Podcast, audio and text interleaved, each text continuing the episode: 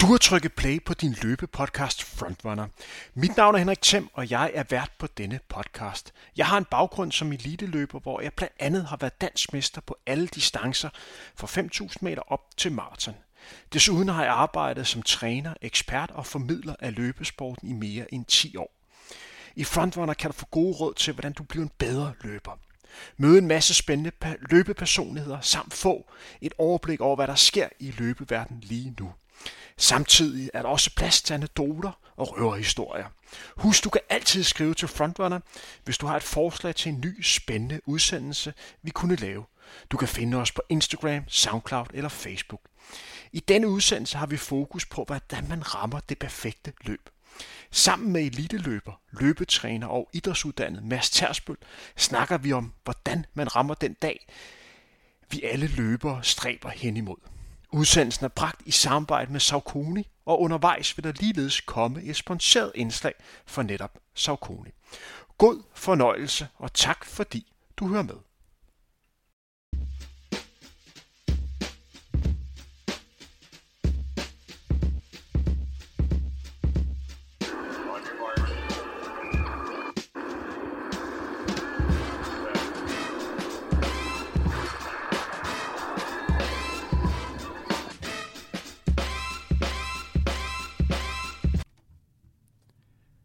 Mads Tersbøl, har du ramt det perfekte løb?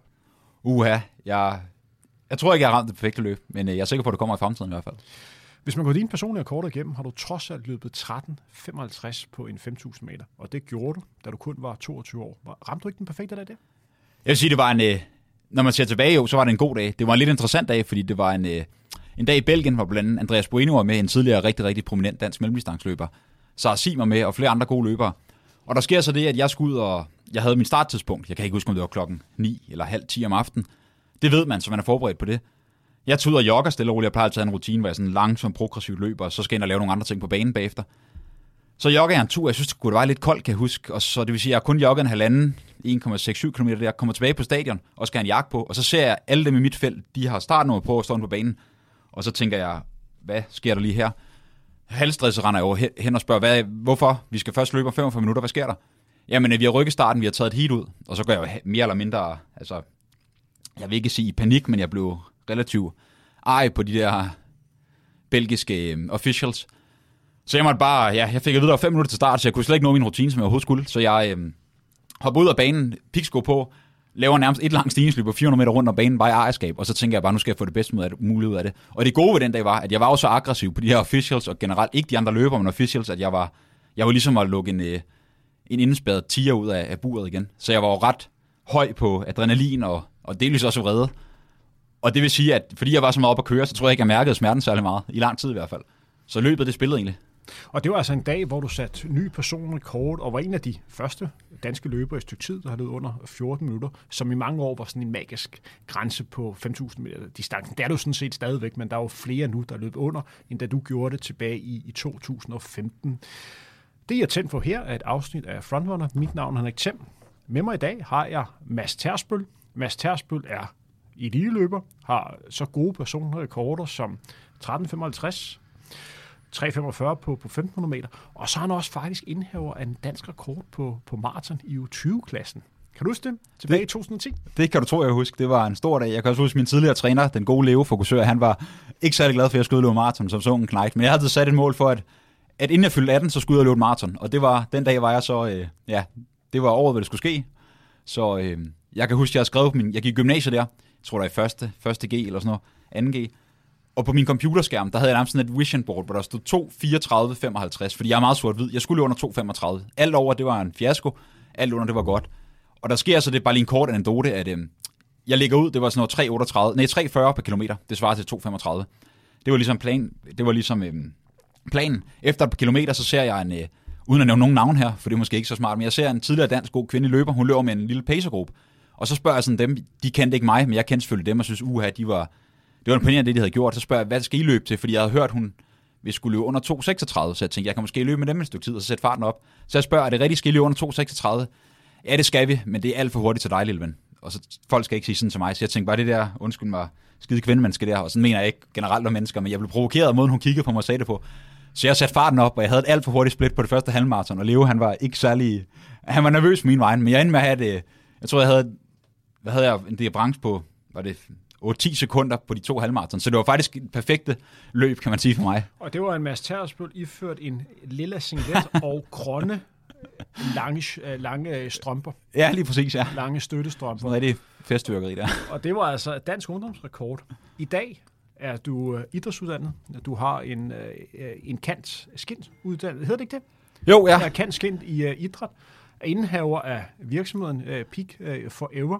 Mads, ganske kort. Hvad kan Peak Forever?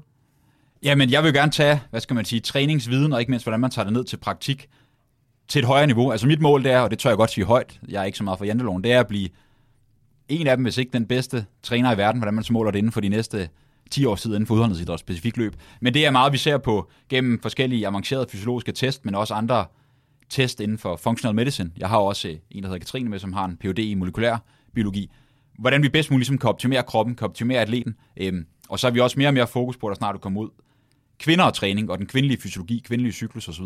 Men det, der sådan tænder mig rigtig meget altid gjort, det er jo den her at optimere folk. Altså tage de sidste procenter og også hele tiden kunne få give dem forklaring omkring, hvorfor. Hvorfor skal vi gøre sådan, og hvorfor skal vi ikke gøre sådan, og hvad sker der? Så folk ligesom får tilliden til det, de nogle gange skal lave. Og Mads, årsagen til, at du er med i studiet, det er i dag, at vi skal snakke om, hvordan man rammer dagen. Ja. Det er jo sådan, at øh, kalenderen siger slutningen af marts. Meget snart går vi ind i april måned, og der er jo rigtig, rigtig mange løber herhjemme, som håber på at sætte en ny personlig rekord. Landevejssæson er virkelig på trapperne. Der er mange, der har trænet en vis lemsting ud af bukserne over vinteren, og nu skal man bare remme dagen både ved et halvmaratonløb, eller maratonløb, eller en 10 km og en 5 km, 5 km løb. Og det, vi skal have fokus på i dag, det er, hvordan sikrer man sig, at, at man får noget ud af al den træning. Og findes det perfekte løb egentlig? Det er altså dagens eh, tema, Mads. Men jeg skal også lige høre, før vi går, går rigtig i dybden med dagens udsendelse. Dig og øh, eliteløb, hvad er status lige nu her? Vi glæder os til, at vi igen skal se dig med, med, med startnummer på. Ja, tusind tak. Det kan du tro, jeg også gør. Jeg tænker på det. Det lyder klichéagtigt, men jeg tænker på det hvert sekund, 24 timer i døgnet. Øhm, ja, det er jo on-off de sidste fire år, desværre klart mest off. Mere end 99% af tiden med min svære akillesindproblematik. Øhm, det går ikke særlig godt pt. Jeg har ikke været løbende noget tid, og det var meget lidt, jeg nåede at løbe sidste år.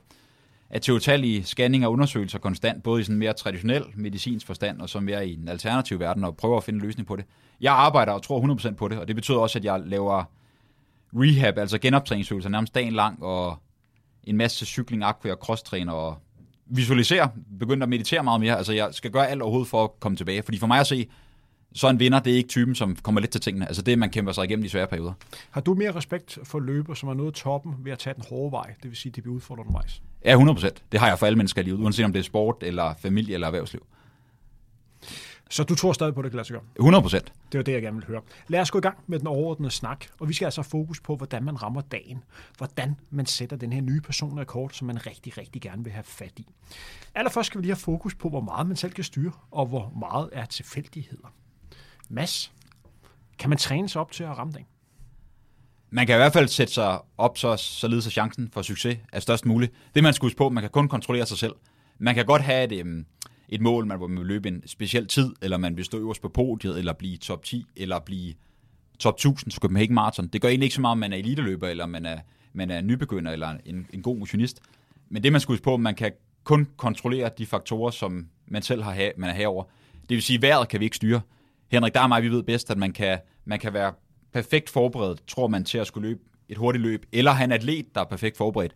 Man tror måske, der var 15 grader, men så er der faktisk 25 grader og høj sol. Eller det modsatte, det blæser, det sneer, det havler, som det gør i dag her en, en slutdag i marts. Og de ting, dem skal man bare acceptere, dem kan man ikke kontrollere. Til gengæld kan man så sige, at så må man prøve at rejustere målet, hvad målet nogle gange er, og prøve at få det maksimalt ud af dagen. Fordi man skulle huske på, at alle de andre er ude for de samme forhold. Hvis det er varmt, er det også varmt for dem. Hvis det havler, havler det også for de andre. Så man kan kontrollere, det vil sige, man kan kontrollere træning, man kan kontrollere sin kost, sin hvile, og så kan man ikke mindst kontrollere, om man har selvtillid, det man nogle gange har lavet. Fordi det man vel skal gøre, det er at sikre sig, at man står så knivskarp med hovedkamål. Eller hovedet, som det hovedet sig gøre før til den her konkurrence. Og på mange måder er det vel ligesom man skal op til en eksamen. Det gælder om at læse hele pensummet og sørge for, at man i hvert fald ikke selv kunne gøre mere. Ja, lige præcis. Og jeg vil egentlig også være så, nogle af mine det frækker sige, men jeg mener det helt seriøst. Hvis man for eksempel skal løbe Marathon, for at tage et eksempel, og vi ved godt, i midt slut maj, her den, hvad det er, den 15. maj i år, der kan være ret varmt i Danmark, og tra- historisk set, så Copenhagen Marathon plejer at være rigtig varm med høj sol. Statistisk er der stor chance for varme, så det vil sige, hvis jeg var løber derude, så ville jeg også forberede mig selv på, at det nok bliver rigtig varmt. I form af varmetræning. Med, med, altså ekstra, det behøver ikke være særlig øhm, fancy at tage på træningslejr. Det kan være ekstra tøj på, det kan være at gå i sauna efter træning, det kan være varme bade osv. Fordi så, ellers har man bare ikke sat sig selv op til succes. Altså hvis man ikke har været igennem worst case scenarierne, så har man ikke forberedt sig ordentligt. Og det er jo en del af det, hvis man vælger at løbe maratonløb i midten af maj. Det er, at man kan udsat for en dag, hvor det er virkelig, virkelig varmt. Det, der desværre har været tilfældet de sidste to år, hvor løbet desværre blev aflyst på grund af corona, det er rent faktisk, at vejret har været ganske fornuftigt. Og hvad vil det sige at have ordentlig maratonvejr? Det er jo, at man har de her, lad os sige, 8-13 grader og, og det har faktisk vist sig, at de sidste to år har man været på de temperaturer. Men hvis man går tilbage til 2019, 2018, 2017 og 2016, der var det altså varmt vejr. Vi snakker varmegrader op mod 25, og så undervejs 7-28 grader. Og nogle gange var det sådan, at man startede ud, hvor det kun var 16-17 grader, så lige pludselig steg det 10 grader. Og det er fandme svært, undskyld mit sprog, at løbe maraton optimalt under de betingelser. Og det er jo sådan, når man står på startstreng, så bliver man nødt til at ændre fokus, fordi der er nogle, der kan ramme den perfekte dag. Men langt de fleste vil have en hård tur. Så det gælder om at prøve at begrænse skaderne og prøve at ændre mindset på overleve. Og det kan altså være rigtig, rigtig svært, når man har trænet rigtig, rigtig hårdt op til det løb. Men sådan er det, når man vælger at satse alt på et løb, når det ligger i midten af maj. Men så længe man har gjort, hvad man kunne, så er det svært at ændre, øh, hvad kan man sige, vejret på, på den pågældende dag. Mads, nu har vi snakket en del om maraton. Er der, er der forskel på distancerne? Er det, er det nemmere at lade sige ramme dagen på, på en femmer, end det er på en maraton? Jamen, der er uden tvivl forskel, og man kan sige, jeg har kun jeg har meget, meget lille erfaring på maraton. Jeg har kun løbet et, så jeg kan ikke udtale mig vildt meget omkring det. Jeg kan kun udtale mig for, for jeg ved for andre. Men det, man kan sige, det er, jo længere distancen bliver, jo færre kan du løbe af dem per år. Altså, det ved vi jo selv. En god maratonløber. Nogle de løber kun et om året, andre løber to. Nogle kan måske klemme tre rigtig gode løb ind. Men det vil sige, at der er ret få chancer. Så rammer du en dårlig dag, om det er din egen skyld, eller det er vejrets skyld, eller taktikkens skyld, det, det er der ikke så meget at gøre ved. Hvorimod, hvis du løber de korte distancer som 800 meter, 1500 meter, 5000 meter, så har du bare flere skud i bøssen. Øhm, og det betyder, at du kan hurtigere få en større erfaringsbase. Og det ser man også, at løbere, som er, eller atleter, som har startet tidligt med at dyrke konkurrenceidræt. Det behøver måske ikke kun at have været løb, det kan også have været cykling, svømning, dans eller noget helt tredje. De har bare, de er måske mentalt bedre til at cope med, hvis, hvis, hvis der er ting, der ændrer sig, dynamikker ændrer sig. Så jeg vil sige det således, at det kan være nemmere måske og hurtigere at komme over et dårligt løb, hvis man løber på de korte distancer. Det der så er ved de kortere distancer i forhold til maraton, det er, at dynamikken i løbet, den, den spiller måske større ind for de fleste, fordi de fleste, der skal udløbe maraton, de går ikke efter at løbe og få olympisk guld. Det snakker vi Kipchoge og få andre drenge, der kan det, og piger for den sags skyld. Øhm, så man har måske sat et tidsmål op, men man måske løb famøse, bryde de tre timer, løb 2.59 på maraton. Øhm, så man er ikke lige så øhm, influeret af, hvad de andre løber gør. Skal du ud og løbe baneløb, der løber du typisk ikke bare efter en tid. Forhåbentlig gør man det ikke, og det er også øh, et lille godmodigt spark bag herfra. Der går man efter at konkurrere med andre mennesker. Hvis man så løber et felt, hvor der pludselig er nogen, der stikker fra start, lidt ligesom man ser i cykelløb, der er pludselig en udbrud, der går afsted, for at sige det sådan, og man, øhm, man ikke kender sine egne grænser helt, eller lidt overmodig, og så går afsted, så kan man ret hurtigt få ødelagt sit løb på den måde af, hvad skal man sige, eksterne faktorer i forhold til maraton. Så det er sådan lidt, øh, det bruger lidt på, hvad ens mål er. Om det er at få det bedste ud af sig selv, eller løbe den hurtigste tid, eller stå også på podiet. Ja, men jeg, jeg er fuldstændig enig. Det der udfordring i forhold til maraton, det er, at du har relativt få chancer i, i løbet af år, og generelt over en hel karriere. Selvom jeg har haft fire år, hvor jeg sådan har kaldt mig selv maratonløber på, på et vis plan, så hvis man gør det op, så har jeg vel kun haft øh, to løb, hvor der er mulighed for at sætte øh, personrekord. Fordi typisk er det sådan til maratonløber, det er, at du har et maratonløb om foråret og et løb om efteråret. Men der kan også være skade og sygdom, der gør, at det her mål ikke bliver muligt. Så man bliver nødt til at ændre øh, på det. Det vil sige, at man har relativt øh, få chancer, hvor man kan sige på en femmer, hvis vi tager det ikke så simpelt, du har mulighed for over en sæson, lad os sige, løbe 8, 10, 5 km. Det, der så er udfordringen, det er, som du nævner, det er så at prøve at få det optimale ud af det felt, øh, du er i. Fordi der er der også noget, når vi snakker, nu snakker vi rent elite-løb her, det er, hvordan udvikler løbet sig rent taktisk, og det betyder bare meget, at du kommer ind i et felt, hvor udgangstempoet er rigtigt for dig. Fordi hvis tempoet kommer lige de her 3-4 sekunder for hurtigt på en kilometer, så betyder det altså meget, når man kommer frem. Og så er det altså der, hvor især den 4 km på en 5.000 meter kan blive rigtig, rigtig hård. Men det gode ved den distance, det er, at hvis du kiksede den dag, så har du rimelig hurtigt en chance igen. Og, og hvor man går op, altså, hvor man, hvis vi går længere frem, på eksempel på, på en 10 km, altså, der er heldigvis de, flere, øh, de senere år kommet flere landevejsløb, hvor det er muligt at kunne løbe stærkt på på 10 km, men også blive bedre til at arrangere de her landevejsløb, hvor at hvis man løber på banen som 10.000 meter, så er der færre muligheder, fordi der bliver ikke arrangeret så mange 10.000 meter løb.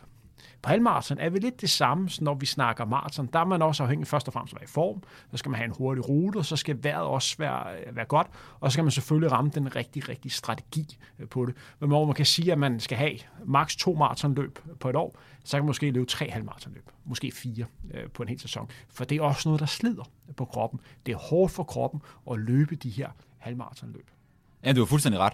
Og så også en sidste bemærkning, jeg vil sige, som måske er mere eller mindre politisk øh, ukorrekt at sige, det er, at personligt er jeg langt mere, både som atlet og som træner, hvad skal man sige, interesseret i mellemdistansløbende. Fordi hvis du tager ekstremerne, altså hvis du tager en 100 meter, jeg har den dybeste respekt for alle atleter, skal det siges. Virkelig den dybeste respekt. Men hvis du tager en 100 meter, og du tager en maratonløber, og så du tager en 1500 meter, eller 5000 meter i løb, meter i løb, undskyld, i midten, 100 meter løberen skal i gåsøjne så en groft sagt bare være rigtig, rigtig eksplosiv, rigtig, rigtig god til at sprinte. Maratonløberen skal være rigtig, rigtig udholden. Men de der mellemdistanceløb, der skal du både kunne kombinere hele det anaerob og aerob energisystemer, der er taktik, og du skal, man kan sige, du er ikke ekstremt god til enten at have udholdenhed eller sprinte, du skal kun lidt af det hele. Jeg ser lidt som en cykelrytter. En cykelrytter kan ikke bare kunne køre en god bjergetap eller en god enkeltstart. De skal kun det hele, for ellers har du tabt det. Så det vil sige, det kan være svært at træne sig op til de her, hvad skal man sige, distancer i midten af, af de her to ekstremer det er jo rigtigt. Og så er der jo den, den næste element, hvis vi igen har fokus på, på maraton, og det er nok bedst, jeg byder ind der, for jeg har trods alt mere erfaring på maraton, end øh, hvad kan man sige, du har. Det er, at man, hvis du er ordentligt øh, trænet til et maratonløb, og du vælger det rigtige udgangstempo, så bliver det rent faktisk først hårdt, når der er gået 20, 25, nogle gange 30 km, nogle gange skal op til 35, for du føler arbejde. Det vil sige, når du går ind til løbet, så ved du altså, der skal altså relativt langt hen i løbet, for du bliver udfordret. Ellers så har du det godt og det vil sige, at du er i stand til at kunne, kunne ligge en eller anden form overskud.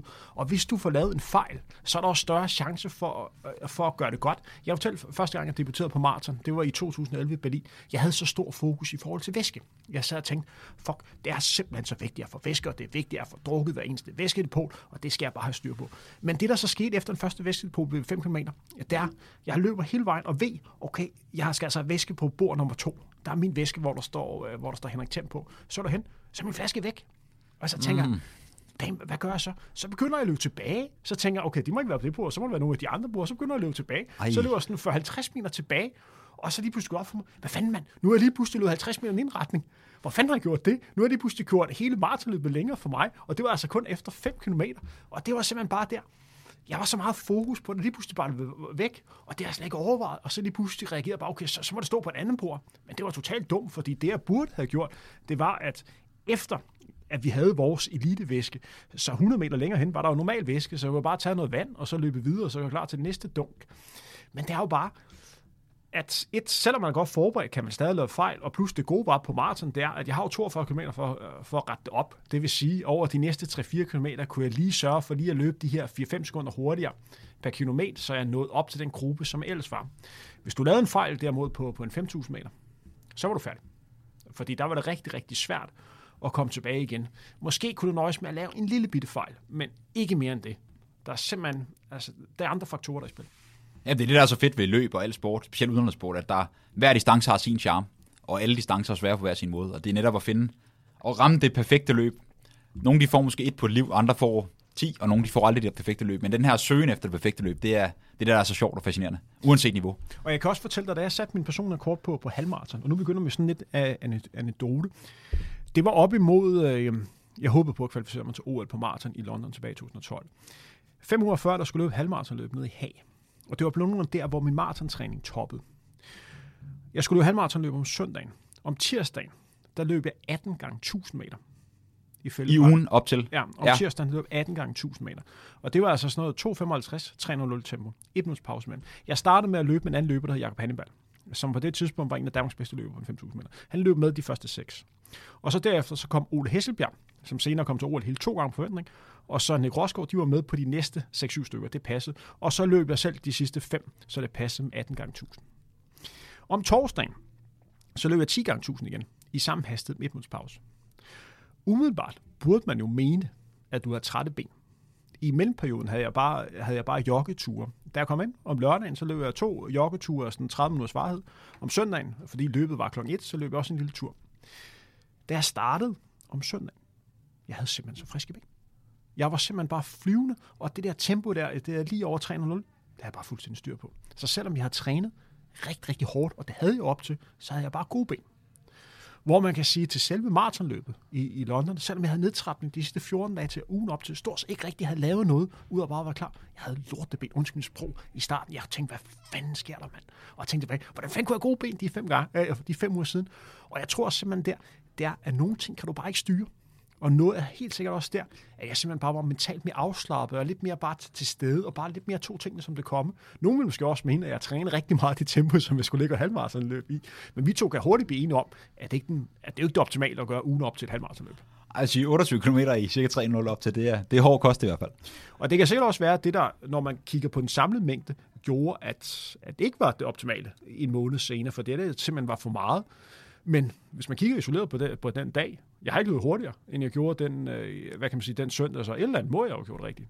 Ja, og bare det, du nævnte, som jeg også tror er rigtig relevant, det er, at mentalt, fordi du tænkte, det var en del af din, af din opkøring til, til maraton, så var du måske klar på, at du havde muligvis tunge ben. Det ville føles hårdt, så din hjerne var klar, klar på den her udfordring. Det var ikke det, der betød allermest for dig. Nogle gange så tror jeg, at folk kommer til at sætte deres endelige mål op på en pelistal, eller pelistan, hvad det hedder. Øhm, og så de forventer, at det skal føles let, det skal føles godt, og så kommer de på dagen, for eksempel på maraton, og så føles det på mig til. Ja. Altså den der mentale afklaring og afslappethed kan nogle gange for mange også bare være glad generelt. Det gør, at man får, når der bliver gode løb, selvom fysiologisk er det måske ikke det optimale. For, fordi faktum er, at langt de fleste løb, det er det længere løb, det er meget, meget sjældent de første par kilometer, man indtaler gode ben. Ofte skal man lige i gang, og så efter 3-4 km, 5 nogle gange længere frem, så er det der, hvor man virkelig kan mærke, om det er en god eller dårlig øh, dag. Fordi ofte skal man, skal man lige i gang, fordi hele det her spændingsniveau lige skal falde, falde på plads. Vi holder lige en pause for dagens udsendelse. Vi har nemlig en vigtig besked for vores partner, Saucony. De har en helt ny sko på trapperne. Den 5. april, altså den dag, som denne podcast bliver udgivet, kan du nemlig få fat i en opdateret version af deres sko Ride 15. Og sikke en opdatering. Der taler om årets anden opdatering for Saucony. Ride 15 er oplagt for dig, der søger en let og fleksibel, neutral træningssko, der både mestrer tempoturene og den rolige mængdetræning. Årets nye version indeholder en markant lavere vægt, øget komfort, forbedret pasform og hele 18% mere støddæmpning. Vi har med at gøre en af markedets mest støddæmpende indlægssol, som giver endnu mere energifyldt og blødere støddæmpning endnu tættere på foden. Den forhøjede kant ved svangen på mellemsålen bidrager ligeledes til skoens stabilitet og fantastiske pasform. Den opmærksomme lytter har måske opdaget, at opdateringerne er man til dem på den nye Guide 15, og det er også ganske rigtigt. De to modeller minder rigtig meget om hinanden, men adskiller sig ved guidens støtte ved svangscenen, der minimerer pronationskraften på anklen. Ønsker du at vide mere om denne sko, så gå ind på Saucony www.løbesko.dk og se, hvor du ligeledes også kan købe denne nye lækre løbesko. Jeg glæder mig i hvert fald til at prøve at løbe i den. Husk ligeledes, at Saucony også andre modeller, hvis Ride 15 ikke passer dig. Lad os gå tilbage til dagens udsendelse. Rigtig god fornøjelse. Kender du nogle løbere, som har været rigtig, rigtig gode til at ramme dagen, hvor man med sikkerhed kunne sige, okay, når de stiller op i det løb, så bliver det også et godt resultat? Øh, Jakob Ingebrigtsen, han er et unikt eksempel på det. Altså det er uanset om det blæser, om det, hvordan løbet arter sig, hvordan de andre løber. Han, har, han virker som en mand, der har så meget kontrol på, hvad han kan. Han ved, hvad han vil, og han, han har bare en selvtillid, der udstråler, at, at hvis manden han har en dårlig dag, som vi så til VM indendørs her for nylig, altså så en dårlig dag for ham, det er at få sølv til verdensmesterskabet indendørs i atletik. Og løb 3.32. Og løb 3.32, ja. Det var et af de nok, jeg vil nok næsten sige, hvis man ser sådan niveaumæssigt på det, så var det nok et af, hvis ikke det bedste hvad hedder det, 15 løb indendørs nogensinde. Det vi så der. Og hvad er det, Jakob gør rigtigt? Hvorfor han er så god til at, at time, at han minimerer risikoen for at lave fejl? For det er jo det, det handler om. Ja, der er selvfølgelig mange aspekter, men først og fremmest så tror jeg på, at den model, han og hans brødre, Philip og Henrik, de har trænet på i mange, mange år, de har, det, det er blevet rutine. De ved, hvad der virker. De ved præcis, hvordan det skal føles på det her pas og på det her pas. De ved, fordi de, så vidt jeg ved, kører en, en, en specifik cyklus, så ved de, hvordan det skal føles på dag 1 i cyklusen, dag 2, dag 3, så de har hele tiden noget at sammenligne med. Derudover så har de de har hinanden, de har set så mange løb, og de har været i så mange løb, siden helt de var små knejder. Så de, de kender til stort set alle scenarier, ud, hvad skal man sige, scenarier, der kan udspille sig i løbet. Og så tror jeg også bare, hvis man er vokset op i et miljø som Jakob, skal man huske på, hvor brødrene har været europamester, har været til, til OL, har taget medalje til VM. For Jakob er det naturligt kun at vinde. Altså, der er kun et scenarie for ham, det er at vinde. Så jeg tror, for ham så øhm, har han, det er næsten den perfekte opskrift, man kan finde. Kan du nævne nogle danske løber, hvor du tænker, de her de er godt nok gode til at præstere, når det gælder? Øhm, ja, ja, jeg skal lige prøve at tænke. Altså, hvis vi ser sådan på, på en af de løbere, som, som jeg altid har været meget imponeret af, så er det jo sådan en som Andreas Bube, som ikke øhm, løber på det niveau, han har gjort mere førhen. Men han har jo taget medaljer, skal man huske på, både til EM udendørs og EM indendørs. Og jeg vil sige, hvis du er på toppen til de dage, så ved du godt, hvad det handler om. Det er at ramme dagen når man kan det. Og vi snakker altså med løber, som har været i fem EM-finaler på 800 meter. Og det er vel at mærke en distance, hvor niveauet i Europa er rigtig, rigtig højt. EM-sølv 2012 i Helsinki, EM-sølv i Beograd i 2017 ved indendørs Europamesterskabet. Sikke en løber. Ja, det er, det er dybt imponerende, og det er en mand, som folk tit glemmer lidt, netop fordi, apropos sociale medier, så er han ikke, øhm, han er ikke så meget på sociale medier, så hvis man ikke følger meget med i atletiksporten løbsporten, i hvert fald tidligere, da han, da han løb aktivt, så, øhm, så kender man måske ikke til, til Andreas, men, men han, faktum er bare, at han har bare været der de fleste gange. Kan du huske en løber, der hedder Lars Bullofsen? Det kan du tro, jeg kan. God mand, ja. Det var en løber, som jeg også lå og trænede en del med, også lå og konkurrerede. Jeg synes, han var en løber, der altid var god til ramdagen. Altså, han performede sgu næsten altid på en vis niveau. Han var altid afslappet, og han løb altid det, man sådan kunne forvente af ham. Altså, det var nok det bedste eksempel på en løber, der aldrig havde en dårlig dag hans største udfordring, undskyld Lars, for det er, det er ment i respekt øh, for dig, men det var mere et løb, hvor der skete det uventede. Det vil sige, når det blev taktisk løb, eller når ruten gjorde, at det var svært at holde det her tempo, som man vidste på forhånd. Der blev han lidt mere kommet ud af sin comfort zone. Men så længe det var et løb, hvor det handlede om at komme så hurtigt fra A til B, og hvor han inden fik at vide af sin træner, Claus Hækman, hvor hurtigt han skulle løbe, der var altså en maskine. Det må man sige, han var. Det var jo lige før, om det, hvis han fik at vide, at han skulle 3-0, der stod en, en modvind. Vi andre ved godt, så skal man sætte tempo ned, men det var som om Jacob, undskyld ikke Jakob, Lars han vidste bare ikke det, som om han, han fysikkens lov, de ophørte, så holdt han bare 3-0 i modvinden. En perfekt, hvis man skulle drage en parallel, for eksempel til cykling. Jeg ser ham som en perfekte enkeltstartsrytter. Måske ikke hans proportioner, men, men den der mentale indstilling, hvor du bare skal komme hurtigst muligt, som siger, fra A til B, og du skal lide mest muligt. Og du ved, hvad du kan. Du ved, du kan holde de her watt, eller løbet, du ved, du kan holde den her hastighed. Nej, men Lars, han var, han var sindssyg. Hans, hans måde også at være afslappet omkring tingene på, var uhørt. Og nok den løber, som jeg har mødt, som har hvilet mest i sig selv, og var meget til stede, hvor han bare, om, om han løb tre timer på maraton, eller løb 2.15, det var præcis den samme nervøsitet, han gik ind til det. Jeg fortæller en anekdote. Vi var til øh, verdensmesterskabet på, på halvmarathon, vi, øh, på det tidspunkt er vi begge to træner, Claus Hækman, som du også på træner på det tidspunkt. Jeg tror faktisk også, du var derinde, var du ikke, til, til VM Halvmarathon? Jo, det kan du ja, tro, ja. I København, ja. Og så lige pludselig, vi står der, jeg sidder i det der call room der, jeg er godt nok nervøs, man har du sindssygt, jeg, øh, hvad kan man sige, øh, jeg er nervøs, jeg har det, jeg har det ikke helt så godt. Øh, og så øh, lige pludselig tækker der en besked ind på vores telefon. Det er for Claus. Og så står der sådan lidt, hej drenge, varm gerne op ved at løbe 20 minutter, og så lave nogle stigningsløb, og sætte et minut i jeres øh, halvmarathon tempo. Og jeg tænkte, så spurgte jeg Lars, har du også fået en besked fra Claus, hvad vi skal lave til opvarmning? Så, så skrev jeg, ja, det var mig, der bad Claus om at skrive det.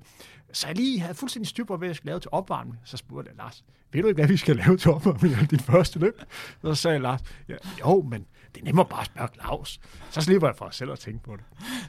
jeg husker det tydeligt, du nævner, fordi jeg sad faktisk med Claus i bilen på vej til København der, og øh, så tak, tækkede der en besked fra Lars Budolfsen, og, og Claus han ville lige kunne åbne der, og så måtte vi jo, vi skrive på sms'en, så jeg kender den grad til historien, og jeg vil sige det, vi sad også, øh, og alt godt, men vi sad også og, og grinede lidt omkring det her. Altså, det skulle løbe VM, og så, ja, men... Øh. Hvordan er det, jeg varmer op? Hvordan er det, jeg sørger for, at jeg er klar til det her løb?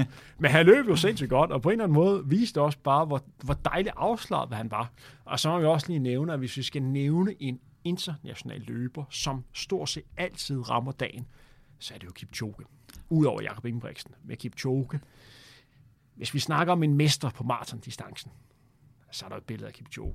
Ja, men 100 procent. Han er, jeg kan stort set kun næsten huske et dårligt løb, og det er London for få år siden, hvor han ikke løb særlig godt. Ellers så rammer han den jo bag hver gang. Ja, hvor det efterfølgende kom frem, at han havde problemer med, med ørerne.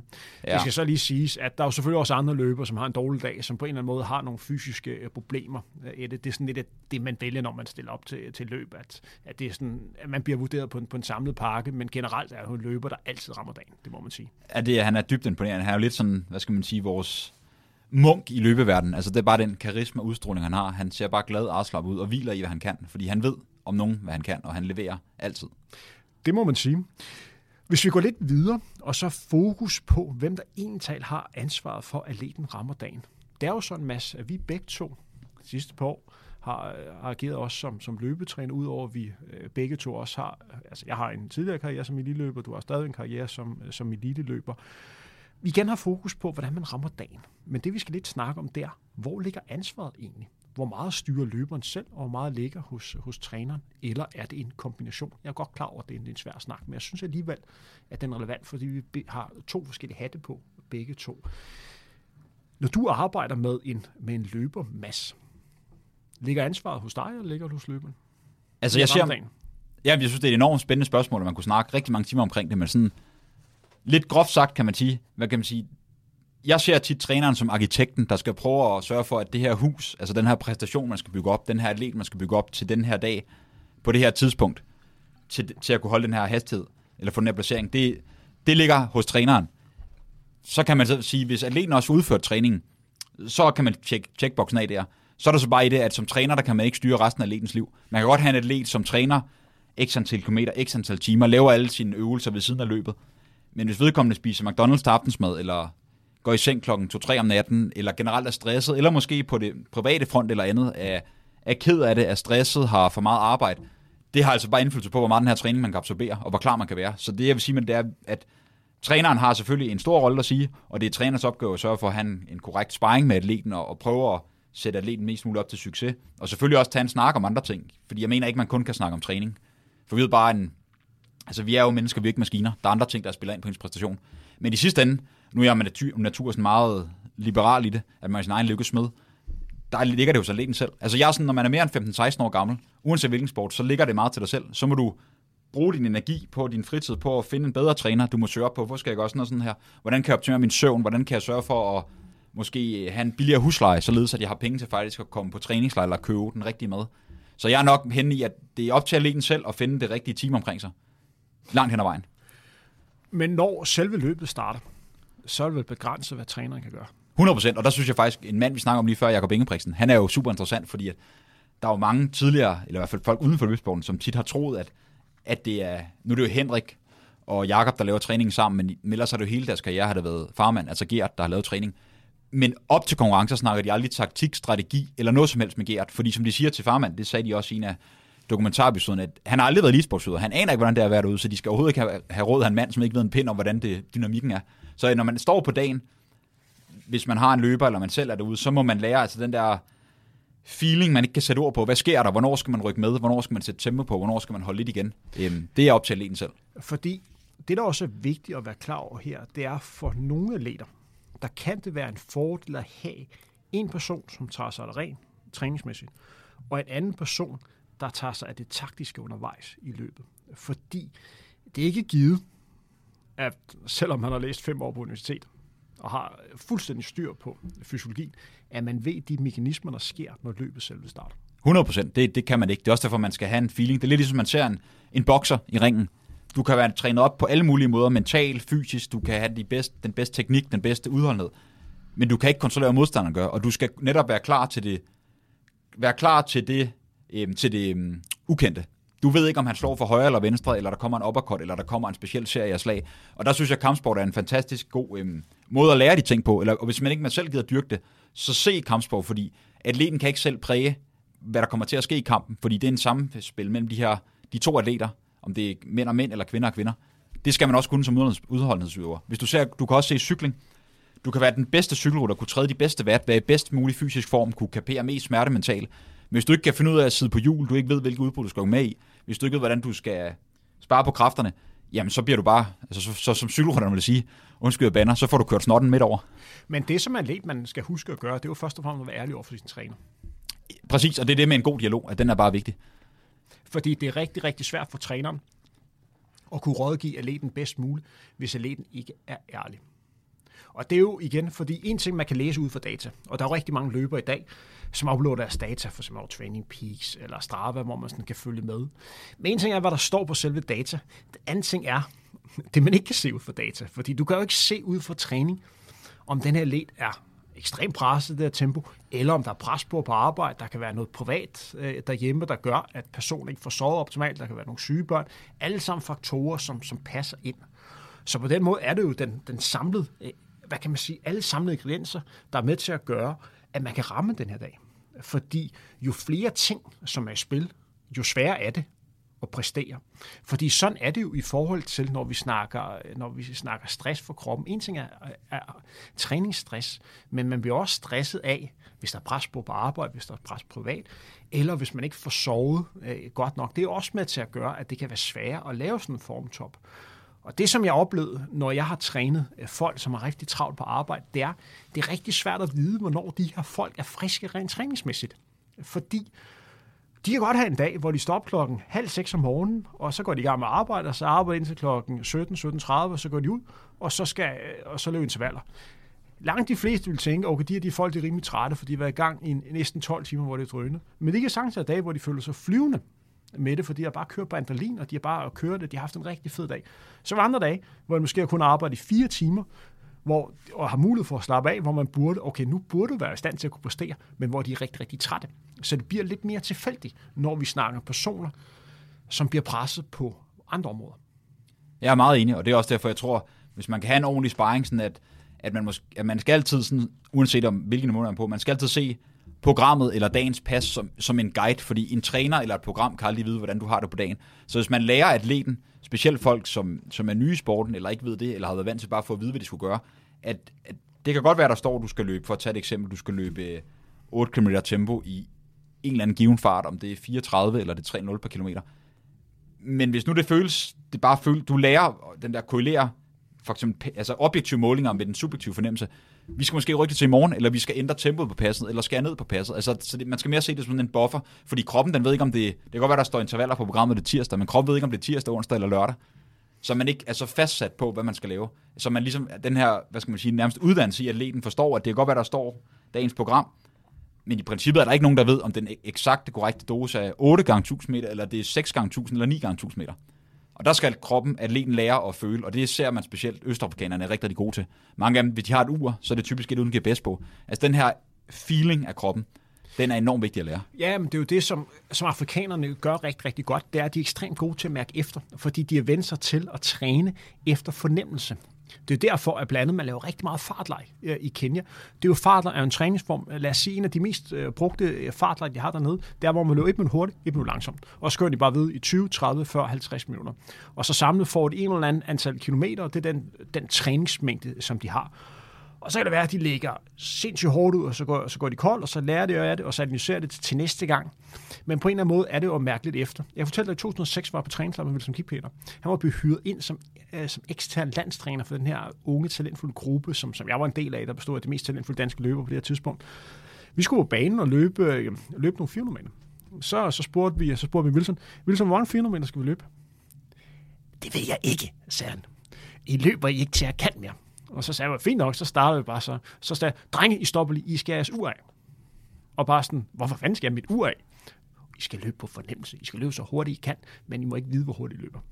Så vi løb 400 meter uden ur, og så skulle vi bare være ved til, indtil vi ikke kunne mere. Det var en lidt speciel træningsform. Der gik et stykke tid, før jeg rent fattede, hvad han rent faktisk gerne ville ud af det. Og det er jo det der med at bare træne i nuet og mærke efter, og kunne bare absorbere den ene 400 meter efter den anden. Også kunne slappe af i det. Men det er en anderledes måde, øh, hvad kan man sige, gøre det ting på. Ja, og man ser det, det er interessant, hvis man ser, øh, hvis man ser turen, altså Tour de France, i, det må være 2020, hvor Tadej Pogacar, han vandt første gang, ung knight på, hvad var han der, 20 eller 21 år gammel, der på den afgørende enkeltstart, der lå han nummer to i klassementet her, og det var Primus Roglic, som lå til at, til at vinde løbet, som jeg tænker, mange godt kender, han en stor, stor cykelrytter øh, fra Slovenien. Så siger øh, Inigo Sang Milan, som er øh, Pogacars træner, at vi skal pille vatmålerne af. Du skal ikke få lov at se de her eksterne data. Og man skal huske på, at de drenge her, de ved præcis, hvor mange hvad de kan træde til slut på turen. De ved stigningen, de kender alt, så de, det er næsten lidt sådan en maskine. Hvis bare de mentalt kan løbe op til smerten. Men som Inigo han sagde til ham, hvis, hvis nu vi, vi siger bare på papiret, at det var 430 watt, han kunne holde, eller sådan noget på den sidste stigning. Hvad nu, hvis han kan træde 435 watt? Men han mentalt bliver begrænset til 430, så tror han ikke, han kan træde mere. Så det går begge veje, og det viser også bare, at man ser også mange topløbere, for at tage et eksempel, et, øh, som løber uden uger, altså selv på halvmarathon og maraton.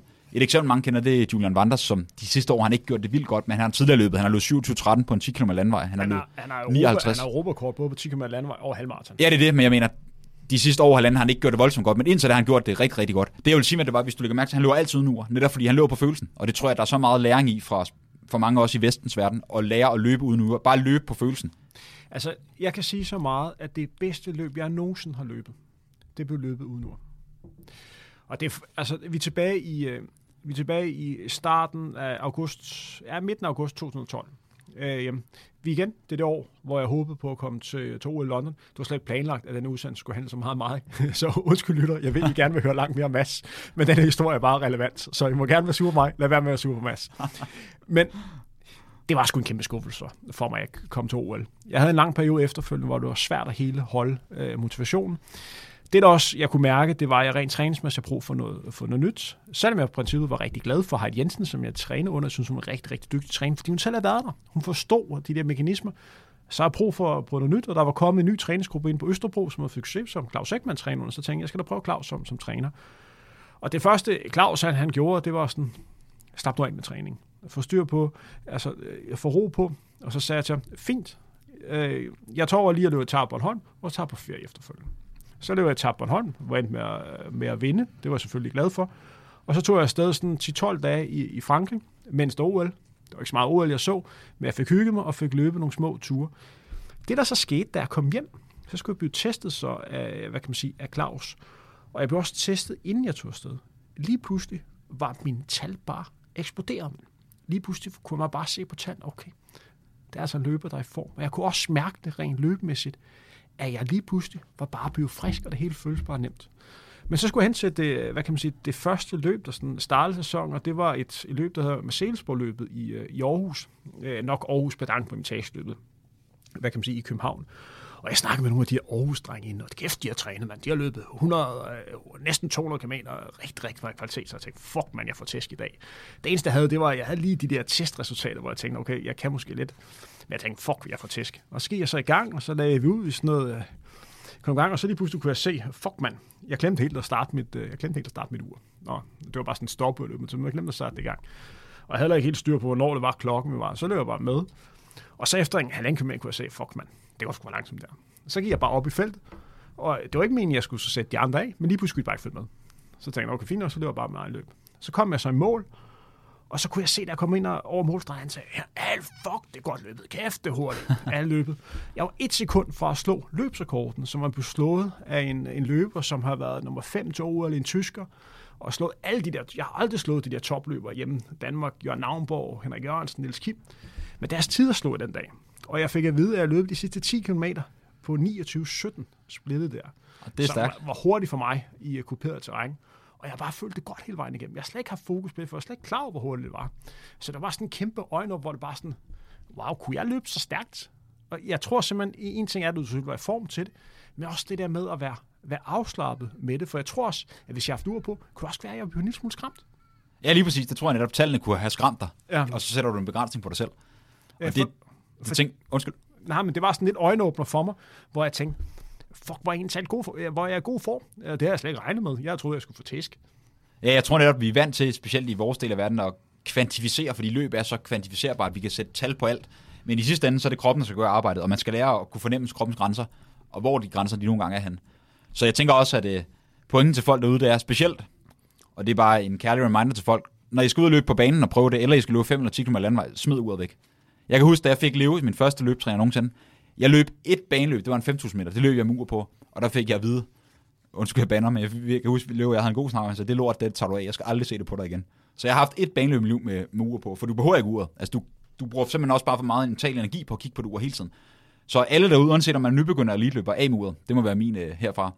Fuldstændig enig. Øh, hvis man løber baneløb, så skal man ikke løbe uret. Der skal man... Øh man har brug for omgangstider, men det er jo andre, der skal, der skal, der skal give. Ellers så prøv at lade være med at, tage, øh, at have fokus på omgangstider, så bare fokus på rytme, og prøve at løbe løbet, som det nu engang udvikler sig.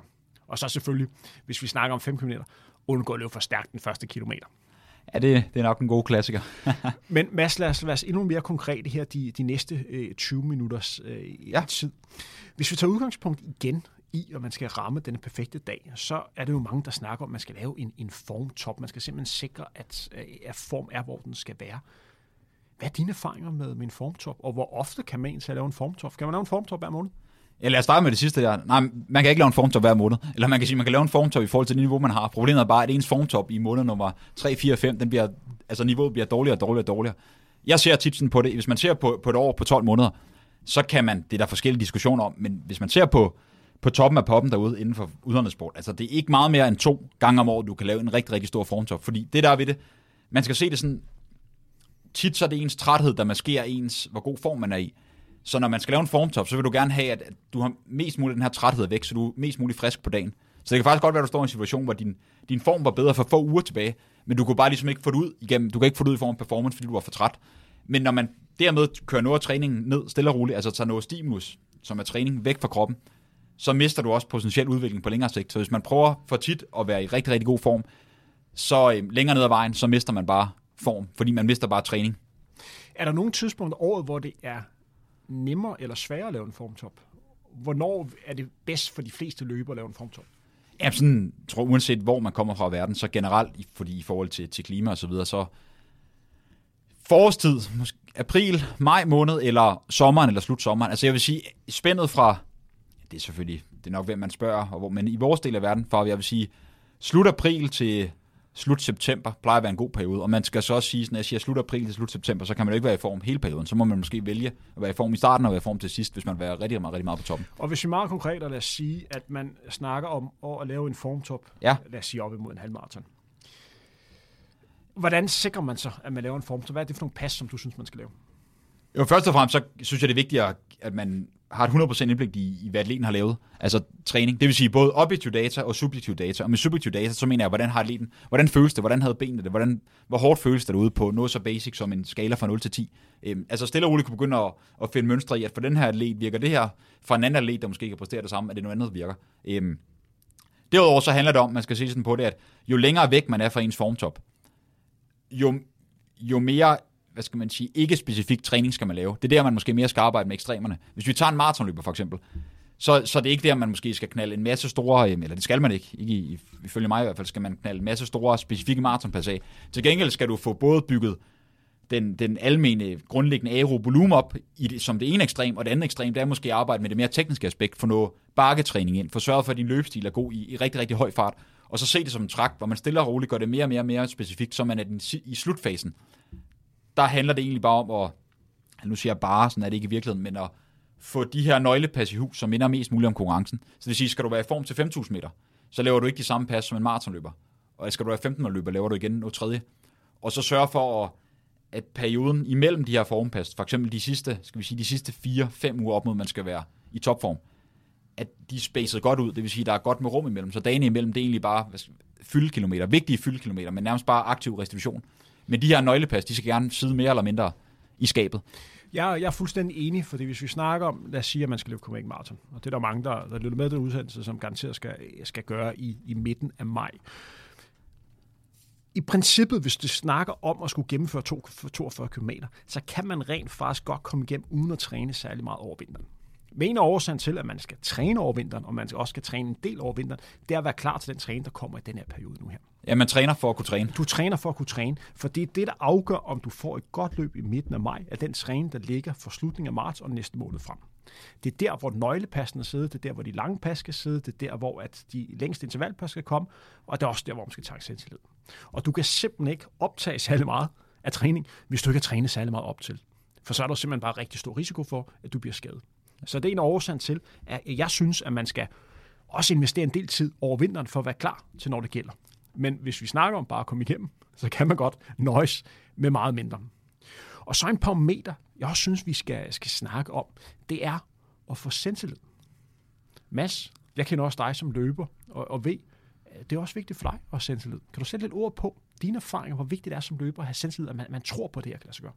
Jamen, jeg vil sige det sådan, det er langt bedre at være hvad skal man sige, 5-10% undertrænet fysiologisk, men mentalt være der 100%. Altså selvtillid, det er bare alfa og omega. For hvis man ser sådan på det, hvis man ser det, fysiologien som sådan en energitank, man har den kapacitet, man nogle gange har, men hvis du mentalt ikke er i stand til at, at kapere den smerte, og, og, det, og det er smerte, det koster smerte, uanset om du er 15 løber eller maratonløber, hvis man så har to løber, hvor den ene løber har måske selvtiden og er i stand til at grave dybt og virkelig tror på sig selv, men på papiret kan vedkommende ikke præstere lige så godt som vedkommende, der er i bedre form, vedkommende, der er i bedre form, har bare ikke selvtiden til det. Altså selvtid, det er alfa og omega i sport. Og ikke kun over for dig selv. Man skal ikke undervurdere, hvor meget mentalt spil der er. Når man står på startstregen, så handler det om, at de andre løbere skal da gerne være sådan lidt bange for en. Ikke bange i den betydning som, at uha, jeg er stor og farlig, men, men de skal kunne se ham der. Han har ild i øjnene. Han, han, er, han kan noget. Han vil noget i dag. Så selvtid, det betyder alt. Første gang, hvor jeg oplevede dig med rigtig meget selvtillid. Jeg kan huske, at du har haft en af din desværre, øh, hvad kan man sige, lidt længere skadesperiode. Vi er tilbage i, hvad, maj 2015. På det tidspunkt var jeg maratonløber, vi trænede begge to under Claus.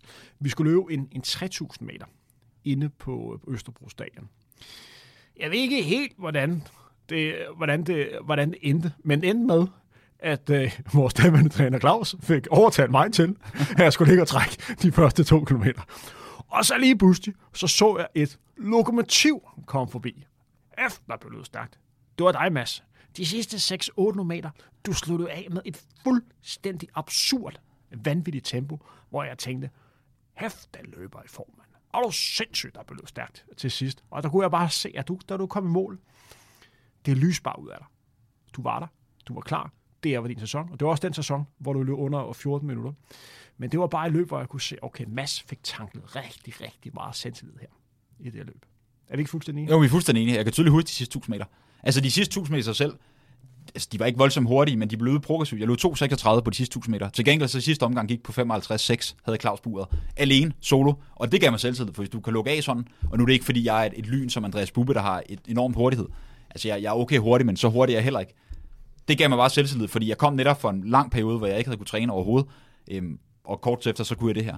Og netop at kunne bygge videre på de erfaringer, det, det skal man ikke undervurdere effekten af. Uanset om man skal igennem sin første 5 km, eller man går efter at klare OL-krav. Fordi, og det var også noget, der var, hvad kan man sige, der var vigtigt for mig som løber. Det var vigtigt for mig at have pas op imod et hovedmål, hvor jeg fik tanket selvtillid. Fordi jeg var løber, hvis jeg skulle præstere på topplan, så blev jeg nødt til at have selvtillid ind til det. En ting var at være afslappet, men jeg blev nødt til også at kunne mærke, okay, jeg skulle i form. Og derfor var det vigtigt for mig at have pas, hvor jeg kunne mærke, okay, jeg er, hvor jeg skulle være. Og en ting, hvor man også kunne få det, det var at gå ud og løbe mindre løb. Og en måde, altså, og det er noget, som jeg også har snakket med, med andre løber om. Det er, jeg er godt klar over, at det, ikke, at det ikke gælder for alle, fordi alle kan selvfølgelig ikke gå ud og, og vinde et løb. Men du får altså selvtillid, når man vinder et løb, stort set lige meget, hvem man løber mod. Det med at løbe over første års stregen, hvor det er dig, der kommer først, hvor du vinder, du får bare noget selvtillid. Du tanker bare noget ekstra energi op, og hvis du gør det flere gange, igen er fokus på, på løber, på en eller anden måde får du bare større og større tro, og det gør, at en løber som mig har mindre risiko for at lave fejl, når selve hovedmålet kommer, fordi du er langt mere balance, du har langt mere ro. Ja, jeg er 100% enig, og jeg synes, det er et enormt interessant eksempel her, kommer jeg til at tænke på. Udover at vi har Jacob Ingebrigtsen fra Norge, og vi har Sondre Moen, Karoline Grøvdal, så har vi også, altså han er en af de største i min optik, vi har Carsten Warholm, som er verdensrekordholder, verdensmester, olympisk mester på 400 meter hæk. Altså han er bare et unikum. Og jeg kan huske, han har udtalt i et interview på et tidspunkt, at for der er mange, der undersøger, hvorfor han kun træner en gruppe med, jeg tror, der er to piger i gruppen, og så er der hans træner. Leif, åh, nu kan jeg ikke huske, hvad han hedder. Det spiller heller ingen rolle her. Men grunden til, at han træner med kvinder, det er fordi, for det første, så føler han sig mere sat op, fordi der er bare sådan noget rent evolutionært omkring, når der er kvinder omkring en, så, så vil man gerne mande sig mere op og præstere bedre. Plus, at fordi han er det meget stærkere end dem, hurtigere end dem og mere eksplosiv end dem, så tanker han bare op. Sådan på helt ubevidst plan tanker han også selvtiden op. Hvorimod han så altid træner sammen med de bedste herrer i verden. Han vil sikkert alligevel slå dem, men det vil kræve meget mere mental energi af ham hver gang. Og det kan, den mentale energitank kan han så drage af, når han står i konkurrencerne. Og så er det, han slår de største af de største. Øh, og der, der, er vi også, der er vi også fuldstændig enige. Og for løber, hvad kan man sige som mig, var det også rent vigtigt øh, i, i selve træningen og, og tanke, tanke selvtillid. Øh, så, så, så det vil sige, at lad os sige, man lykker og, og træner mod løber, som du skal løbe med i konkurrence. Altså, og der, har, der er man jo sådan med, at hvis man ligger sammen med løber og løber intervaller, og man, man kan næsten ikke lade være, når man løber på de, den sidste, lige at spurte lidt de sidste på 100 meter, selvom man ikke har aftalt det, skal man ikke lade være alligevel. Men man kan da godt lige huske, om man har vundet eller tabt den, øh, den sidste spurt. Og det er altså noget, du tager med ind i, ind i konkurrencen. Så på den måde er det også noget, som man på en eller anden måde tager med sig, øh, når man, når man løber. Og det er det, der både kan være fordelen og ulempen ved at træne sammen med nogen, som har et vist niveau. Ja, det er rigtigt. Man skal huske at... I sidste ende skal man i hvert fald finde et setup, der giver mest muligt for en. Der vil altid være... For imod. For imod. Jeg er lidt give and take hister her, men, øh, men du har helt ret. Det, selvtillid betyder bare meget. Hvis vi har fokus så på, på nedtrapning, fordi når man laver sådan en formtop, så handler det også om at sikre sig, at man rammer dagen, og man hvad kan man sige, få det maksimalt ud af den træning, som man, øh, som, som man nu har præsteret op til.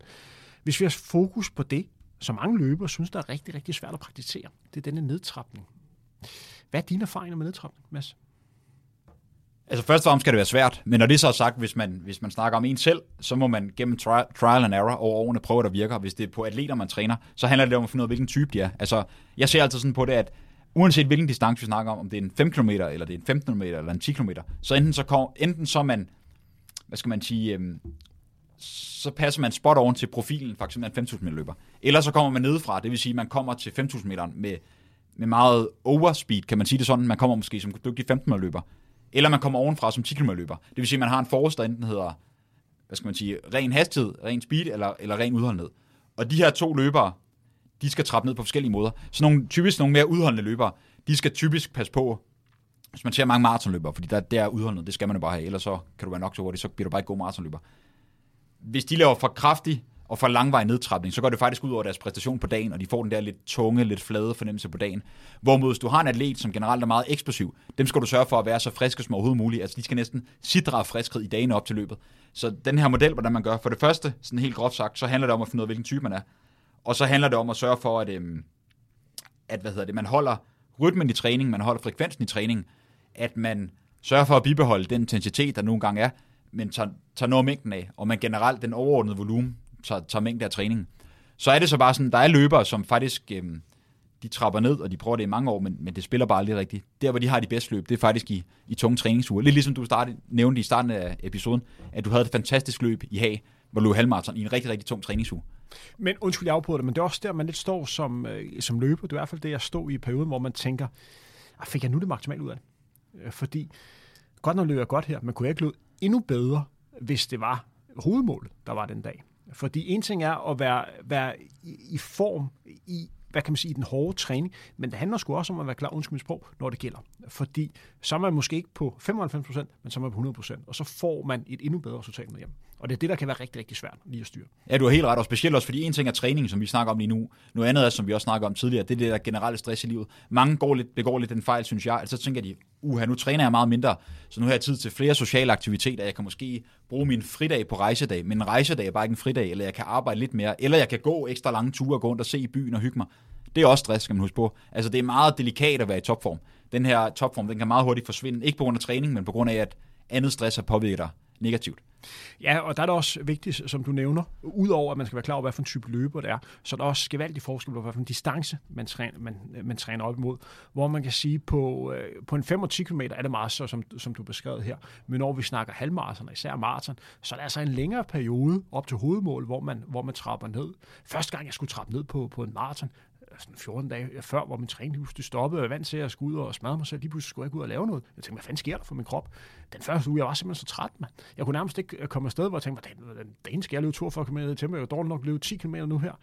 Og det er bare sådan, så det med at vende sig til, at man skulle, man skulle give ned, og lige finde det, det rigtige spændingsniveau. Jeg var der på selve dagen. Der, ja. var jeg, der var jeg godt nok klar. Men det synes jeg godt nok var, var svært at lige, at, lige at mærke efter, fordi det var, det var nyt, nyt for kroppen på en halvmarathon, der er måske kun en uge, man skal, man skal trappe ned, fordi det er ikke helt den, den samme, øh, hvad kan man sige, distance, hvor man kan sige på øh, mine erfaringer i forhold til en 5 og 10, er det meget at have den her, den her friskhed, og have den her, hvad kan man sige, overskud i speed. Du kan også godt mærke, når man er ude at løbe, at man har den her fornemmelse, hvor man virkelig kan træde ned, hvor du virkelig har bounce i skridtene, hvor man virkelig kan mærke, okay, jeg er klar. Man kan også se på løber, om, om de er der på selve dagen. Man kan se det i opvarmning. Jeg ser, okay, de har den her speed. Man kan mærke, de lander op på forfoden. Der er, sku, øh, der, der er god power i personen i dag. Ja, du har helt ret. Det er, og det er, jeg vil ønske, at vi kunne give et helt konkret svar, men det er meget at prøve sig frem over tid og se og prøve virkelig at isolere nogle parametre, og så prøve at ændre kun på få ting ad gangen, så man kan begynde at finde ud af, hvad der virker. Og man kan sige, der er det også trænerens opgave og atletens opgave at finde ud af igennem træning også, hvad skal det sidste pas være, der virker, og hvor langt skal det ligge to dage for konkurrencen, skal det ligge tre eller fire dage, og hvad skal man lave der? Fordi hvis man først skal finde ud af, nogle atleter for eksempel, de responderer rigtig godt på at have, skal vi sige, helt korte elementer, bare af høj hastighed, uanset næsten mange af Renato Canovas atleter, øhm, som er en meget prominent italiensk træner. Altså et meget standard pas for mange af baneløberne, det er 10 gange 200 meter, 2 til 3 derinde. Han er ligeglad med farten, altså det spiller ikke, det, men 10 gange 200 meter, det virker for de fleste. Er han så atleter på banen, men er det en, at man løber, som måske skal have 10, 15, 20 minutters moderat tempo, så er man nødt til at prøve de her forskellige interventioner for at se, hvad der virker på dagen. Og det kan man jo også lege med i træning. Det kan man. Altså, hvad der, hvad der spiller, så man har den der crispy følelse, som netop nævner, hvor man bare, altså man føler bare, at man er supermand. Man kan bare bounce, springe derud. Ja, øh, og som træner jeg har meget gode erfaringer af, at man for eksempel øh, ugen op til et 10 km løb, altså for eksempel at lave 4 gange 2 km i sit øh, 10 km pace. Det kan også være, at man vælger at løbe, lad os sige, 3 km øh, i sit øh, 10 km pace, hvor man efterfølgende laver 5 gange 200 meter i tempo, som lige er det niveau højere. Men jeg synes, det er vigtigt, at man lige får det lidt længere distancer, så man lige også har den her, den her føling, fordi langt de fleste kan for eksempel 10 gange 400 meter i deres 10 km fart. Jeg synes, man lige skal presse lidt mere, så man også får den der fornemmelse af, når det begynder at blive en lille smule hårdt. Men man skal også passe på ikke at gå over grænsen, når man er så tæt på.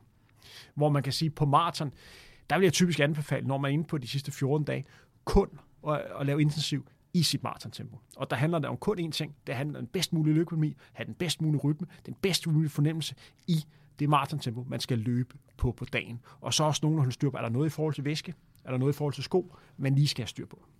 Ja, du er fuldstændig ret, og det, der må man simpelthen eksperimentere sig frem. Og lad være med at eksperimentere første gang, du skal ud og løbe et, et, et stort, rigtig stort mål for dig selv, uanset hvad niveau det er på. Altså prøv det, prøv det igennem træning flere måneder væk fra løbet. Prosit. Undskyld. Nu er vi frem til, til selve dagen før et løb. Og igen, der er jo kæmpe forskel på, om vi snakker et 5 km løb eller et maratonløb. Men Mads, hvad er de bedste råd til, hvad en løber skal lave dagen før et hovedmål? Det, det bedste råd til, hvad man skal lave før et hovedmål? Ja. Altså, det er sådan noget helt basalt, som at sørge for udstyret, sørge for singletten, shortsene, skoene er klar, startnummeret er klar. Du har styr på, hvis det er de lange distancer, altså som maraton, du har styr på, på din væske, du har blandet den, du ved, hvornår du skal tage hvad, hvad du skal drikke hvad egentlig det samme på de korte distancer, der er der bare ikke den her næringsfaktor inde. Og så prøver at få hvilet mest muligt at slappe af, og, og der er folk forskellige. Nogle kan godt lide at visualisere løbet rigtig, rigtig meget igennem forskellige scenarier. Andre, de skal faktisk ikke tænke på løbet. De skal bare ud og, og have det sjovt. Ikke have det sjovt som at gå i byen og komme i seng klokken alt for sent, men, men, men lave nogle gode aktiviteter og være sammen med nogle gode mennesker. Og der, der må man finde ud af, at man bedst kan lide at have den her spænding. Personligt er typen, jeg elsker dagene op til, altså blive mere og mere tændt på løbet og Gud. Altså jeg skal være ligesom en soldat, der skal i kamp. Altså ud, ud skulle i krig, ud og smadre Helt bundet. Altså det er sådan, jeg. Andre, de, skal, de har en anden optag til det. Og det må man finde ud af for sig selv. Jeg vil sige, det bedste råd, jeg kan sige, det er nok, hvad man ikke skal gøre. Det er faktisk at lave ting, man ikke er vant til. Man skal ikke lege, hvis man er i en anden by, og synes, det er spændende at lege turist, og komme til at gå 20-25 km og gå og kigge på, på spændende øh, monumenter rundt omkring. Og man skal heller ikke begynde at, man har læst om en eller anden ny kostdille, så prøver man lige pludselig at ændre kosten og skal spise meget sundere, eller et eller andet, man har gjort før. Altså prøv at lade, behold den rytme, du er vant til, og så bare sørge for, at du på den ene eller anden måde kan tanke mental, fysisk energi op. Når vi er fremme på, på dagen op til løbet, der er vi faktisk så langt henne, hvor at jeg vil mene, at det er faktisk den dag, hvor det er nemmest at lave fejl. Fordi man er så meget lyststyret, og en løber som mig, der vil det så gerne, så dagen før kan man nemt blive fristet af nye ting. Og der er det jo, som du siger, at man skal holde sig til det, man kender. Så det vil sige, det kan godt være, at man er, lad os sige, man er taget til maraton i USA, at der er mulighed for, at man ikke kan købe en omgang massage på, på hotellet. Massage er rigtig, rigtig godt i forhold til restauration, men hvis man ikke er vant til at få massage, er det ikke dagen før løbet, man skal prøve. Det kan også være, at man er nede i messen, og man lige pludselig ser, okay, der er så nogle nye strømper, og, og, og sælgeren, der står der, han siger, man løber åh så meget bedre i de her strømper, men du skal ikke prøve dem dagen før. Det kan også være, at der er nogen, der vil sælge dig noget energibar, hvis du ikke har spist energibar, så lad være med at prøve det dagen før.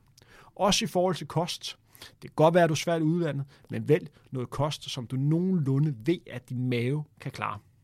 Og så for guds skyld, få slappet af, og få, og få ro og få nærme gear ned, øh, for, for gear ned. Og så kommer det store spørgsmål, som er rigtig, rigtig svært at svare på, fordi jeg tror også, at vi er forskellige. Handler det om, hvor højt skal man op i spændingsniveau, og hvor langt skal man ned, hvor meget skal man snakke om løbet, og hvor meget skal man ikke snakke om løbet. Og det er virkelig forskelligt for løber til løber.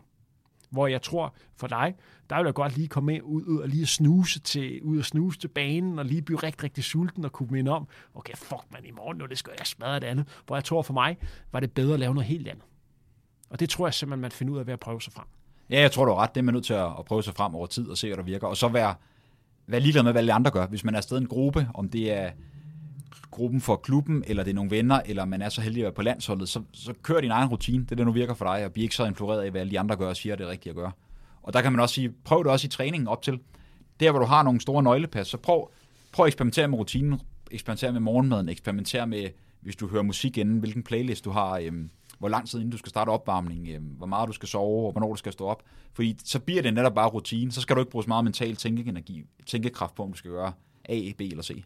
Jeg har faktisk haft mest succes med, øh, når jeg har været til de her øh, store øh, løb i udlandet, som jeg træner op til, og sådan set også, hvis det har været i Danmark, at tage afsted og være mig selv dagen før, hvor jeg selv kunne forholde mig til, hvornår jeg skal ud og træne. Jeg plejer nu at løbe typisk to gange dagen før. En kort tur om morgenen og en kort tur om eftermiddagen, hvor jeg lige slutter af med eftermiddagen, lige løbe nogle korte løb. Jeg kalder det flowløb eller slides, hvor man lige kommer lidt op i fart. Og selv at få slappet af, øh, få drukket noget kaffe, måske gå lidt tur, og på en eller anden måde være lidt i mine egne tanker. Hvor jeg kunne mærke, at det er den model, som har fungeret bedst for mig. Hvor at jeg kan mærke, at hvis jeg var afsted med mange andre løbere, der skulle løbe det samme løb, og det er ikke fordi, jeg er usocial eller noget smalt, men i forhold til at præstere, og det er derfor, jeg er afsted. Så er det bedre for mig at være alene. Ja. Fordi det er der, hvor jeg rammer det rigtige spændingsniveau. Fordi jeg kun skal forholde mig med mig selv. Jeg skal kun træffe de valg, der er bedst for mig. Og jeg kan nævne rigtig mange løber, som er bedre ved at være sammen med mange løber, og på den måde forholde sig til. Men det var altså den model, der fungerede bedst for mig. Det var den model, som skabte de bedste resultater, for at jeg kunne præstere. Og det er det, det handler om jo, at finde netop. Og det er det, der, det, der, du gør. Og det handler om lige at mærke efter, hvad er den model, som virker for dig, og, men Mads, det næste, ja. vi skal have fokus på, som ja. sådan set også er noget af det sidste i dagens udsendelse, hvor vi som sagt har fokus på, hvordan man rammer dagen der på selve løbsdagen. Hvad det gør man der? Hvad man gør det, ja. Det kommer igen tilbage til ens, ens rutiner, vil jeg sige. Gør det, du kender til, og det, der virker for en. Og det er alt fra kost til hvilken musik du vil høre, om du vil visualisere løbet igennem, hvordan du varmer op. Altså gør det, du nogle gange kender. For det meste. Kan vi to blive enige om en opvarmning, man skal lave før et løb? Lad os lave et kompromis. Du har løbet, øh, du har løbet mest baneløb. Jeg har de senere år løbet mest lidt længere løb, så lad os tage udgangspunkt i en distance midt imellem. Lad os få udgangspunkt i 10 km. Kan vi bede om, hvordan vi bedst muligt får, får varme op til en 10 km, så vi står så skarpt som overhovedet muligt til løbet starter? Vi kan prøve i hvert fald. Hvornår, vil, hvornår, kan vi bede om, hvornår man typisk skal begynde at varme op?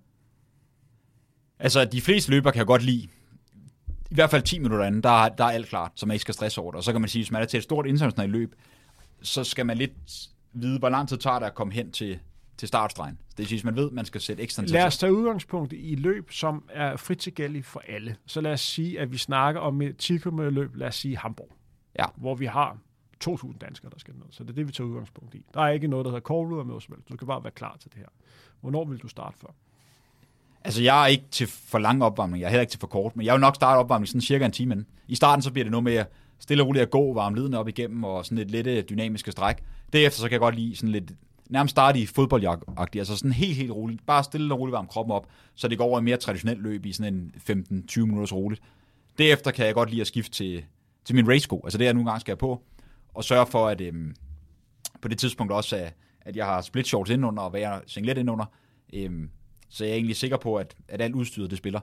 Og så have nogle sekvenser, der er sådan progressive sekvenser, hvor jeg i hvert fald godt kan lide at akkumulere en 2, 3, 4 minutter i omkring, for eksempel 10 km fart, eller plus minus deromkring. Vil du gøre det? I 10 km løb? Ja, fordi det løber så høj intensitet, at sådan rent, altså for det første, en ting er det fysiologiske og teoretiske, men jeg synes bare, det føles bedre.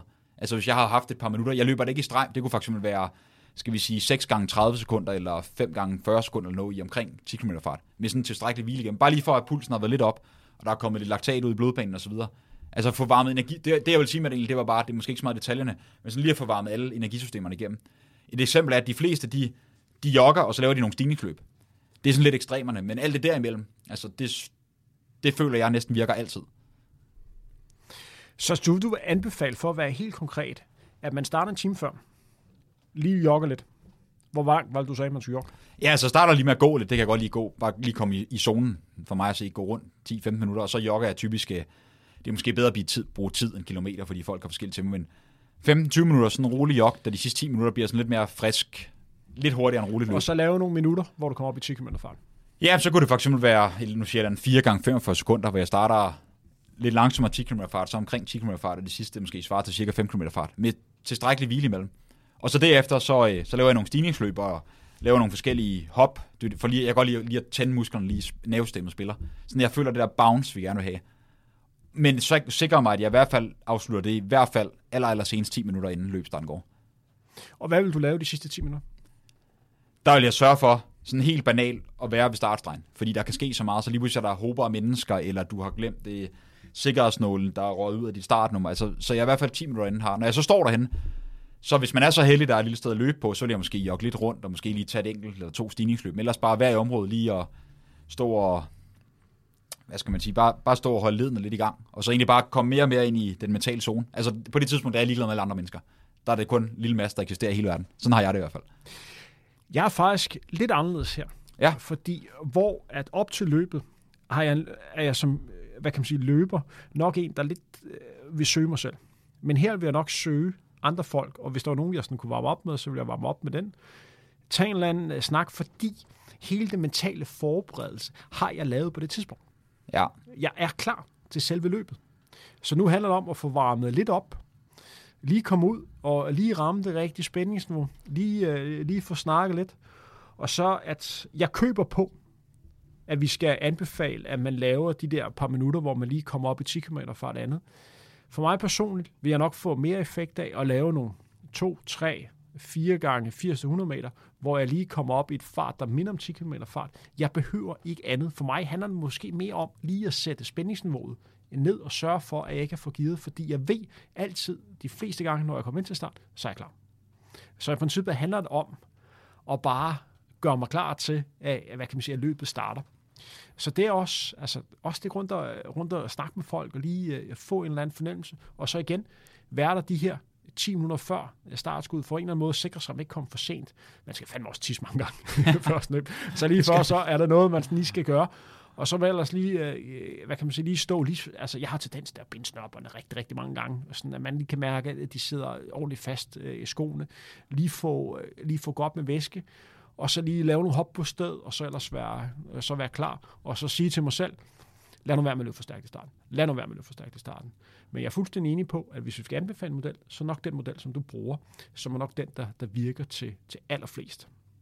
En ting, jeg også lige vil, vil nævne i den forbindelse, og det er en ting, som jeg har lagt mærke til, både som eliteløber, men sådan set også, når jeg har været øh, hvad kan man sige, kommentator på, øh, hvad kan man sige, på tv, det er, at ja, de løber, som har tendens til at lave rigtig, rigtig mange stigningsløb for at løbe. Der er fandme nogen, der ligger og spænder frem og tilbage, der bare laver den ene efter den anden. Ofte er det løber, som på en eller anden måde ikke har ramt rigtig spændingsniveau. Hvor dem, der sådan performer allerbedst, er dem, der på en eller anden måde virker en lille smule mere kontrol. Der laver stigningsløb, der laver de her lidt længere løb, må jeg en eller anden måde også bare tage det, tage det med ro, og så være klar til startskud gælder. Ja, du har ret. Man kan godt se på folk, om det er sådan en ekscentrisk nervøsitet, eller de, de ved, hvad de laver, og de har ro på, at de ved, hvad de kan, og de ved, hvad de skal ud og lave. Og, Det kan man typisk godt, ligesom man kan se på andre sportsfolk. Og, og det er jo noget, som, hvad kan man sige, som, som jeg har kigget på, hvor jeg kan se, okay, der er sådan en kendetegn for folk, som lidt har en for høj spændingsniveau. Og hvad vil sige for højt spændingsniveau? Det er, at, at du simpelthen har brændt for meget energi af, før løbet starter, så det vil sige, at der er rigtig stor risiko for, at de kommer til at for stærkt i starten, eller de simpelthen knækker efter 5-6 km, fordi de er ikke helt, hvor de skal være. Fly and die, det skal man ikke i hvert fald. Så hvor man kan sige, at andre løber, der lidt mere har ramt det rigtige spændingsniveau, måske også med, når løbet skal afgøres inden for de sidste par kilometer. Men der er selvfølgelig også undtagelser øh, på. Og så er der så også, selvfølgelig også nogle løber, der er vi tilbage til der, hvor vi snakker sensillid. Øh, at der er nogle løber, når de står på startstreng, der udstråler en eller anden form øh, for vindervilje, hvor man bare tænker, man bliver nærmest helt bange. Og du har garanteret også mødt nogle løber, hvor man står på startstregen, hvor man kigger, fuck, du ser skarp ud, mand. Altså, jeg kan huske en løber, det var lidt før, før din tid, øh, en løber, der hedder Christian Olsen. Ja. Som har løbet 28-48 på 10 km 1.03.30. Øh, et, et stort talent. Inden carbonsko, skal lige Inden carbonskoene. Altså, øh, så han løb 28-48 hvor, til DM 10.000 meter tilbage i 2005, hvor han overhældte alle med en omgang på nær øh, en løber, der hed Claus Buge, øh, som spurtede sindssygt meget for ikke at blive, for at blive overhældet. Altså, men det, der kendetegnede Christian, eller kaptajnen, som vi kaldte ham, det er, at når han var i form, så kunne man, han udstrålede selvtillid. Han udstrålede bare, jeg var der. Altså, jeg er virkelig skarp. Den eneste løber, jeg har mødt, der bare mindet lidt om det her, det er en løber, som du også kender, det er Morten Munkholm. Han havde det også lidt, når han var på toppen. Det var ikke så meget, du lå konkurrere mod ham. Det, men han var også en løber, hvor man kunne se, når han var i form, så står det ud af ham. Og det er jo sådan nogle ting, når man kender løber, det er jo sådan en ting, man bemærker. Ja, det gør man, 100 procent. Det, øh...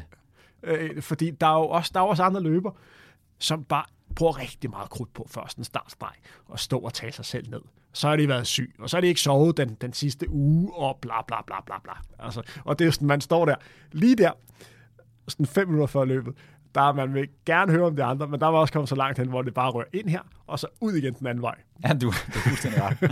Fordi man bare tænker, okay, fint nok, men på startstregen, når starten nyder, så vil jeg lige. Og så handler det sgu bare hvem der kommer først.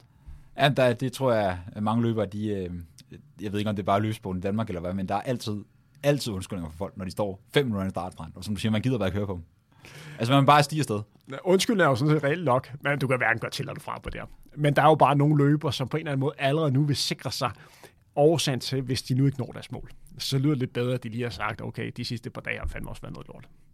Ja, du har ret, og det er, jeg, jeg vil indrømme, jeg kan efterhånden ikke have det, for det er typisk de samme typer. Og, og det sker til, det folk, de taler sig selv rigtig, rigtig meget ned. Lad os sige, at du har en kvinde, som rigtig, rigtig gerne siger ud til, at hun løb under 40 på en 10, og det vil være helt vildt. Og så løber hun 38-30. Altså, så er der noget, jeg ikke harmonerer her. Det er andet, hvis hun så løb 39-50, så er det i orden. Men, men der er bare ikke øh, sammenhæng mellem realitet og virkelighed der. Eller undskyld, det hun siger, og så virkelighedens verden.